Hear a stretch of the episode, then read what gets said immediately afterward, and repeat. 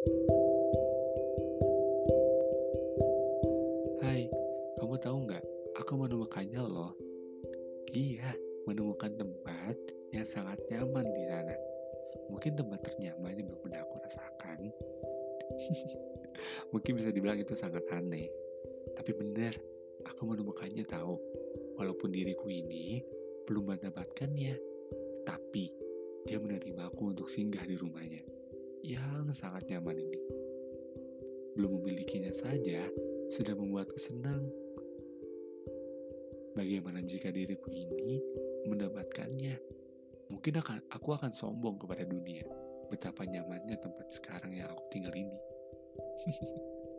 Hai, aku Rio. Kembali lagi sama aku di podcast Lembaran Lama. Gimana nih? Pada kangen gak sama suara aku?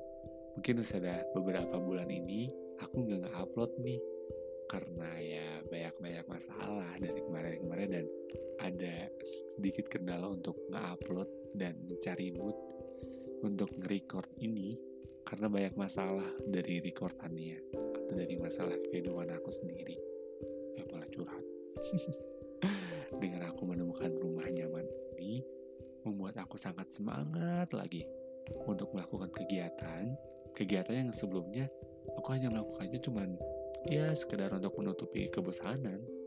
Tetapi sekarang berbeda. Iya berbeda. Aku aku melakukannya tuh karena setelah ini ya setelah itu aku bisa beristirahat dengannya. Aku bisa menceritakan apa yang sudah aku lakukan di kegiatan itu. Iya. Iya itu rumah tempat di mana kita bisa bercerita semau kita mau itu tentang kesedihan kita ataupun kebahagiaan orang itu. Ya kebahagiaan orang itu juga punya hak untuk mengetahui termasuk orang itu juga menjadi kebahagiaan kita. Ya walaupun di dalam rumahnya tuh masih ada foto masa lalunya sih yang belum dia lupakan. Ya aku akan menunggunya sih. Aku akan menunggunya sampai kapan pun jika memang dia belum bisa melupakannya, aku akan memu aku akan membuat dirinya melupakannya. Apa kau gila? itu pertanyaan yang terlontar dari salah satu temanku. Aku jawab, iya. Karena apa? Karena hanya tempat itu yang bisa buat aku tuh ngerasain apa yang namanya rumah, apa yang namanya kebahagiaan, apa yang namanya itu kesedihan, dan aku bisa ngerasain itu semua di dalam dirinya aku bisa menceritakan apa yang aku rasakan aku capek cerita ke dia. Terus kayak aku habis membeli sesuatu atau mendapatkan kabar buruk atau baik aku akan cerita ke dia untuk pertama kali. Sebelum ke teman-teman aku yang lain pasti ke orang itu dulu. Ya itu namanya rumah. Walaupun belum memilikinya tapi aku sudah nyaman dengannya gak usah memiliki juga aku sudah kayak gini udah nyaman. Peran aku seperti ini juga aku sudah nyaman sebenarnya aku sudah nyaman di sini. Dan tolong kamu jangan hilang. Rumah aku ini jangan hilang lagi. Aku gak mau kehilangan rumah lagi. Cukup orang lain kamu jangan karena kamu sumber karena kamu sumber kebahagiaan aku. Dan aku gak mau nyanyiin itu. Kamu juga kayak gitu kan? Kamu anggap aku ada. Itu yang buat aku bersyukur sama kamu.